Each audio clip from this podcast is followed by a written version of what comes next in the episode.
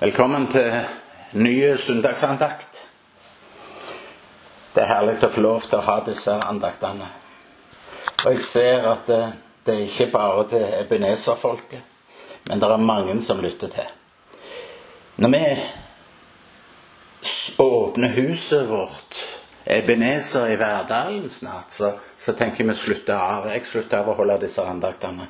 Og da er du òg velkommen til søndagsmøter der for å høre taler andakter. Du er velkommen i Jesu navn. Denne uka har jeg gått og kjent på en barnesang. Og Det er forunderlig med de barnesangene som kommer opp. Du har hørt de. Jeg hørte ikke den her når jeg var liten gutt sjøl, men den har jeg fått med meg seinere. Og, og, og, det snakker noe om Guds forhold til deg og meg. Når jeg da blir bekymra ikke vet helt hva jeg skal tale om på søndagen, når det begynner å gnage i meg tidlig i uka, så kommer det sanger, så kommer det ord, og så taler Herren inn i våre hjerter. Og hos kom dette koret om at kjærlighet er rundt av meg. Den er over alt jeg vet. Så hvor jeg snur eller vender meg, står jeg midt i Guds kjærlighet. Den er over, den er under, foran og bak, og den varer hver eneste dag. Amen. Takk og lov. Så kan vi få lov til å legge ut på, på, på på denne reisen i dag òg, denne søndagen. Og så gjør vi det i Jesu navn. Takk, Herre, for at du er her. Takk for at du skal få lov til å komme med dine tanker. La det være dine tanker, dette som kommer, og berører våre hjerter. Om vi bor oppe i Bodø, eller i Elverum, eller i Mandal, eller her på Jæren, så rører du med oss. Takk for at du ser til mine venner i Ålesund og i Flekkefjord. Jeg priser deg. Vi leser et lite vers ifra Johannesevangeliet, det 15. verset. Og så står det noen ord der som jeg har tenkt å se om jeg klarer å få delt med dere. Jesus sier, 'Jeg kaller dere ikke lenger tjenere', for tjeneren vet ikke hva Hans Herre gjør. Men dere har jeg kalt venner. For alt det jeg har hørt av min far, har jeg kunngjort dere. Amen. Dere kaller jeg venner. For alt det jeg har hørt av min far, har jeg kunngjort dere. Her er det en sang som sier 'Han elsker meg', så det er hemmeligheten. Og denne kjærligheten, hans kjærlighet og Guds kjærlighet til oss mennesker, det er det som ligger bak. Det er ganske utrolig når jeg leser denne teksten, så tenker jeg det er i grunnen Jesu kommunikasjonsforhold til deg og meg. Kommunikasjonsnivå, tror jeg jeg må bruke ordet å si. Dere har jeg kalt venner. Han ønsker at vi skal ha et ekte og rett forhold, så det ikke er noen hemmeligheter. Er du med meg på det? Så sier Jesus alt jeg har lært av far, alt jeg har lært av min himmelske far, det har jeg kunngjort dere. Det har han gjort kjent for oss. Det er dette tette hjerteforholdet det snakker om nå, som Jesus snakker om. Du vet, Å ha et tett hjerteforhold, ha en venn det kan man si, det vet vi gjerne hva med, men, men vi vet òg i dag, venner, at ensomhet er den raskest voksende lidelse i Europa. Du vet eh, Jeg jobber med dette her, og jeg vet det at det er en undersøkelse blant eldre som, hvor de spurte om hva som var deres største frykt. Så svartes det i denne undersøkelsen at det å dø alene Vet du hva, min venn? Gud ønsker ikke å gi oss et vanlig forhold eller en relasjon. Han vil gi deg og meg vennskap. Han vil at du skal kjenne han, og han vil kjenne deg. Han ønsker at vi skal kjenne hans hjerteslag, hva som ligger på hans hjerte. Og han vil at vi skal høre hvordan hans hjerte banker for deg og for meg. Amen. Og da må vi ta oss tid, venner. Utenom det så ønsker han òg at du og meg skal høre hvordan hans hjerte banker for denne verden. For folk rundt oss, folk på Klepp, folk i Norge. Derfor ønsker han å bruke tid med deg. Og det får når du går avsides med han, når du får snakke med han, når du tilbringer tida med han, sånn at han kan få lov til å fortelle deg sine hemmeligheter. Du er enig med meg i det at vennskap, det, det, det, det er noe som krever litt tid, ikke sant? Vi synger i sangen 'Han er mer enn en venn'. Han er mer enn en venn. Han er alt i all livet for meg. Og Hvis Jesus sier 'jeg ønsker å kalle deg en venn', da må vi ta oss tid sammen med han da. Til kommunikasjon, til å snakke sammen, til å høre på han, til å fortelle ting til han. For Gud vil snakke med oss. Han vil dele med oss. Hvorfor? Jo, fordi han elsker deg høyt. Vår himmelske Far, han elsker sine barn. Og vet du hva, Jeg tror ikke han trenger å anstrenge seg for det engang. For det ligger i hans natur, det. ikke sant? Det ligger i Guds natur. Han kan ikke noe annet. For så høyt elsker Gud verden at han ga sin sønn. Så vår himmelske Far, han elsker sine barn. Da betyr det ingenting om du er 70 eller 80 år. Ikke sant? For du er fortsatt denne lille datter og denne lille sønnen til Gud og Jesu venn. Har du lagt merke til det at i Bibelen så kaller han oss alltid for Guds barn? Vi blir aldri helt voksne for ham. Vi, vi, vi, er barn. Og han er stolt av sine barn. For det var jo han som skapte barna. Så han kjenner oss. Han kjenner det gode, og han kjenner det dårlige. Han vet om alt sammen. Og allikevel så forandrer han ikke sin kjærlighet til deg. Og alle mennesker er unike. Vi vet jo det. Men for Herren òg er de unike. Spesielle, dyrebare og verdifulle i Guds øyne. Ikke sant? Hørte du det? Du er verdifull. Jeg hører så mange ganger folk som kommer til å si til meg Svein, jeg føler meg så mislykka. Jeg har hatt mange en samtale mennesker som sier at de ikke har det godt, eller de har et dårlig selvbilde. Men det er så fantastisk å få lov til å fortelle deg i dag at Gud han ser annerledes på deg. Du er dyrebar og verdifull i hans øyne. Halleluja. Vi leser i Lukas 1910 at der står det For menneskesønnen er kommet for å søke og frelse det som var fortapt. Jesus kom for å søke og frelse deg. Han steig ned for å utfri oss. Og disse ordene tenker utfri, søke frelse det er sånn handlingsord. Så Gud gir det, leter etter det, ganske høy prioritet.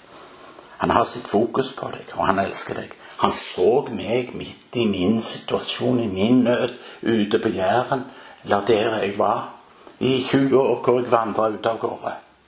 Han hadde sitt fokus på meg, han elsker meg, og han elsker deg. Og det er ikke bare sånn overflatisk søk, ikke sant? Men det Bibelen beskriver, er en ganske sånn djup, granskende søken.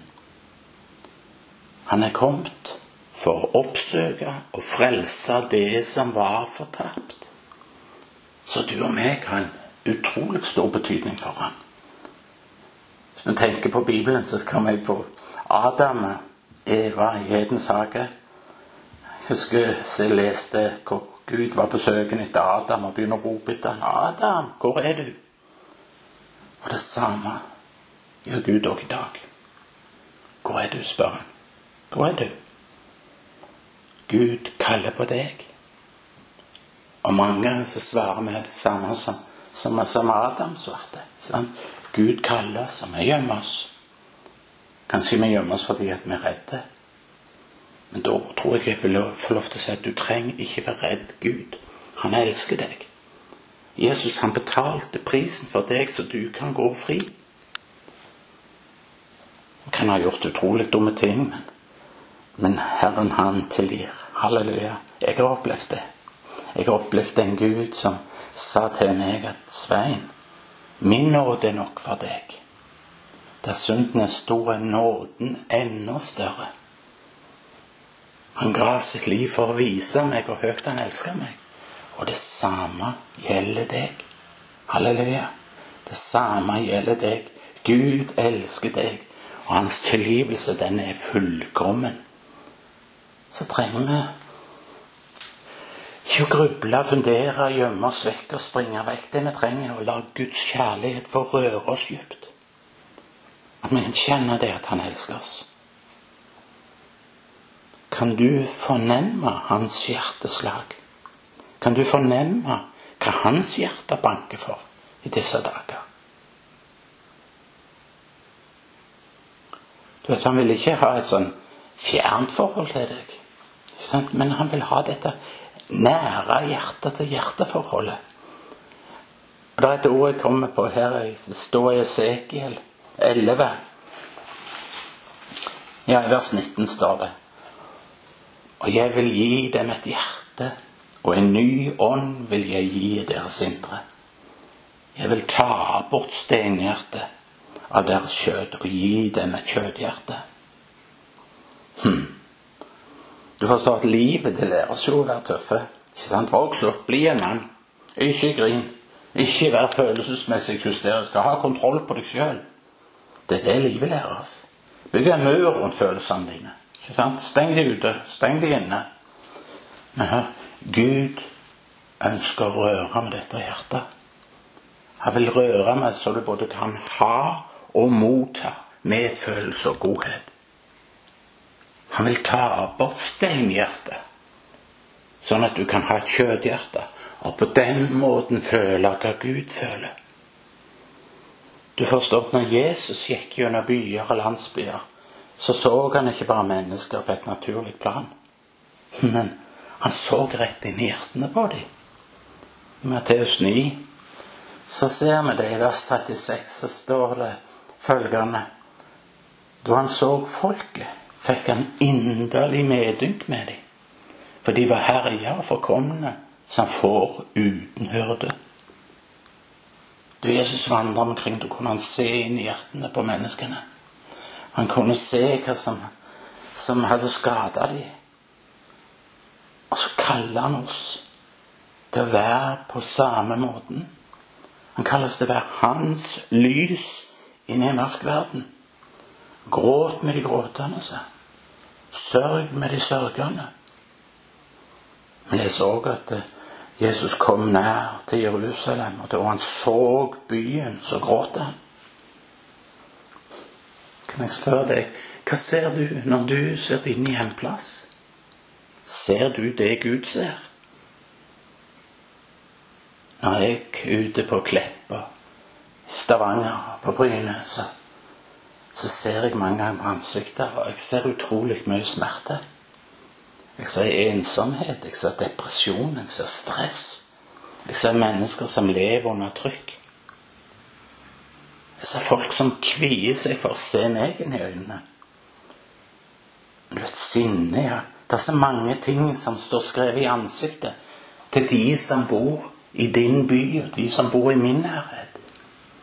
Hva ser du når du treffer folk? i ditt nærområde. Aud og meg hadde en tjeneste i Flekkefjord. Vi var i Frelsesarmeen. Og vi var der på dagene. Og når det var fint vær, så, så tok vi lunsjpausen vår. Hun var gjerne ute på et hjemmebesøk, og jeg hadde sittet og hatt samtale på Frelsesarmeen-lokalet. Men en dag så, så, så når skulle, jeg skulle ned til lunsj og møte Aud nede på kaien For vi satt på kaien og spiste så gikk jeg gjennom handlegata i Flekkefjord. Og jeg kommer ikke til å glemme det. Gud talte til meg og sa, 'Svein, ta det med ro.' Det var akkurat som jeg hørte stemmen. Ta tid. Gå seint. Se på folket. Jakta de, observer de. Og la meg få vise deg hva jeg ser. Det ble en forunderlig tur. Og Kanskje er det sånn at du og meg trenger å ta en spasertur. Enten her på Jærhagen, i Stavanger eller, eller hvor enn du bor, og se folket med Guds øyne. Kanskje vi ville se det Jesus så. Da han så folket, sto der i Matteus 9, fikk han inderlig medynk med dem, for de var herja og forkomne som får uten hyrde. Be Gud om å åpne dine ører, åpne dine øyne, sånn at du kan høre den stille gråten ifra folket som du bor sammen med, som du lever, og se virkelig hva som trykker. Kanskje får du høre av det, den der gråten ifra barnet som, som lurer på hvor det er blitt av far. Hvorfor har du forlatt oss før? Jeg vil at du skal komme hjem snart. Eller smerten ifra mammaen som, som sier 'barnet mitt er blitt narkoman'. Jeg kan ikke gjøre noen ting for å hjelpe. Vær så snill og hjelp meg, roper det. Eller kanskje du hører rop ifra broren som sier 'Søster mi holder på å dø'. Hun har fått kreft, det ikke håp for henne. Eller nå i disse koronatider hvor så mange er blitt arbeidsledige, hører du rop fra de som sier 'Jeg har ikke noe arbeid'. Jeg får heller ikke inn noen penger. Jeg kommer til å miste heimen min. Jeg trenger hjelp. Eller kanskje det er gråten fra besteforeldre som sier 'Jeg er ensom, for jeg er så gammel, og ingen bryr seg om meg lenger'. Eller kanskje det er ungdommen som sier 'Ingen hører på meg heller'. Det er ingen som tyder meg, det er ingen som bryr seg om meg heller. Jeg vet ikke hva smerten smerte du vil oppdage. Men, men, men, jeg vet at Gud vil åpne våre hjerter, sånn at vi kan høre ropet ifra folket der som du bor. Og så vil han at du og meg, som har tatt imot han som forherrer hans venner, hans barn, Guds barn Han vil at du og meg skal være kanaler for hans medfølelse. At vi er verdens lys. Det du gjør mot en av disse mine minste, det gjør du mot meg. Så hvis vi ser på Jesu liv, så vil vi jo oppdage det at han var redd til å leve sitt liv sammen med de som hadde problemer. Det var der Jesus var. De religiøse menneskene, fariseerne, de var ikke glad i ham, de. De var ikke glad i menneskene som han omga seg med. Er du med på det? Og han var sammen med rusmisbrukere og kjeltringer. Men han visste han måtte gå der Guds kjærlighet trengte. Bare tenk på den samaritanske kvinnen. Hun hadde hatt fem menn og levde nå sammen med en mann som ikke var hennes. 2000 år siden, og Bibelen er like aktuell. Jesus brukte tid med henne. Han visste hun var på bristepunktet. Og sa jeg kan se alle de brutte forhold som du har bak deg. Jeg kan se at du tyster, men jeg har vann som kan stille din tyst. Og når denne dama ble berørt av Guds kjærlighet, da skjedde det noe. Halleluja. Hun sprang tilbake til byen og utbasunerte for folket. Å, jeg har møtt en mann som har fortalt meg alt. Og han har fridd meg fra min smerte. Jeg er fri. Hun fikk en berøring av Jesus fra Nasaret. Det samme kan vi se på skatteoppkreveren. Sakkeus. Han som stjal penger fra folk og ga det til okkupasjonsmakta. Folket hatet han. De forkasta han. De hadde ikke noen plass til han. Men Jesus ga en første prioritet. Ikke sant? Jesus så han og sa 'Hei, kom ned'. Han satt der i tre, for det var ingen som ville slippe han fram i køen. 'Sakkeus, jeg vil spise middag med deg.' Men jeg tror nok alle de andre må ha sagt 'Du, hør her. Det er vi som er de viktige menneskene i denne byen. Hva med oss? Men Jesus sa nei, det er han jeg vil ha. At da Jesus satte seg ned med Sakkeus, denne mannen som alle andre forakta, og så Kaus fikk kjenne Guds kjærlighet, så bryter han ut. Frelse har kommet til min heim. Guds kjærlighet hadde rørt med denne mannens hjerte. Du vet så har vi denne dama som ble tatt på ferskgjerning i hop, grep i ekteskapsbrudd. De religiøse hadde funnet de hadde grepet henne på ferskgjerning. Og så trakk, trakk de henne med seg. De trekker henne med seg fram til Jesus. Og så sier de Jesus, hva skal vi gjøre? Hva skal vi gjøre nå med denne dama? Denne kvinnen var avkledd av all verdighet. Alle så på henne. Hvordan ville Guds kjærlighet fungere i en sånn situasjon? Jeg tror han så på mennene. Og så sier han ok, den av dere som har synd, som ikke har synd, kast stein.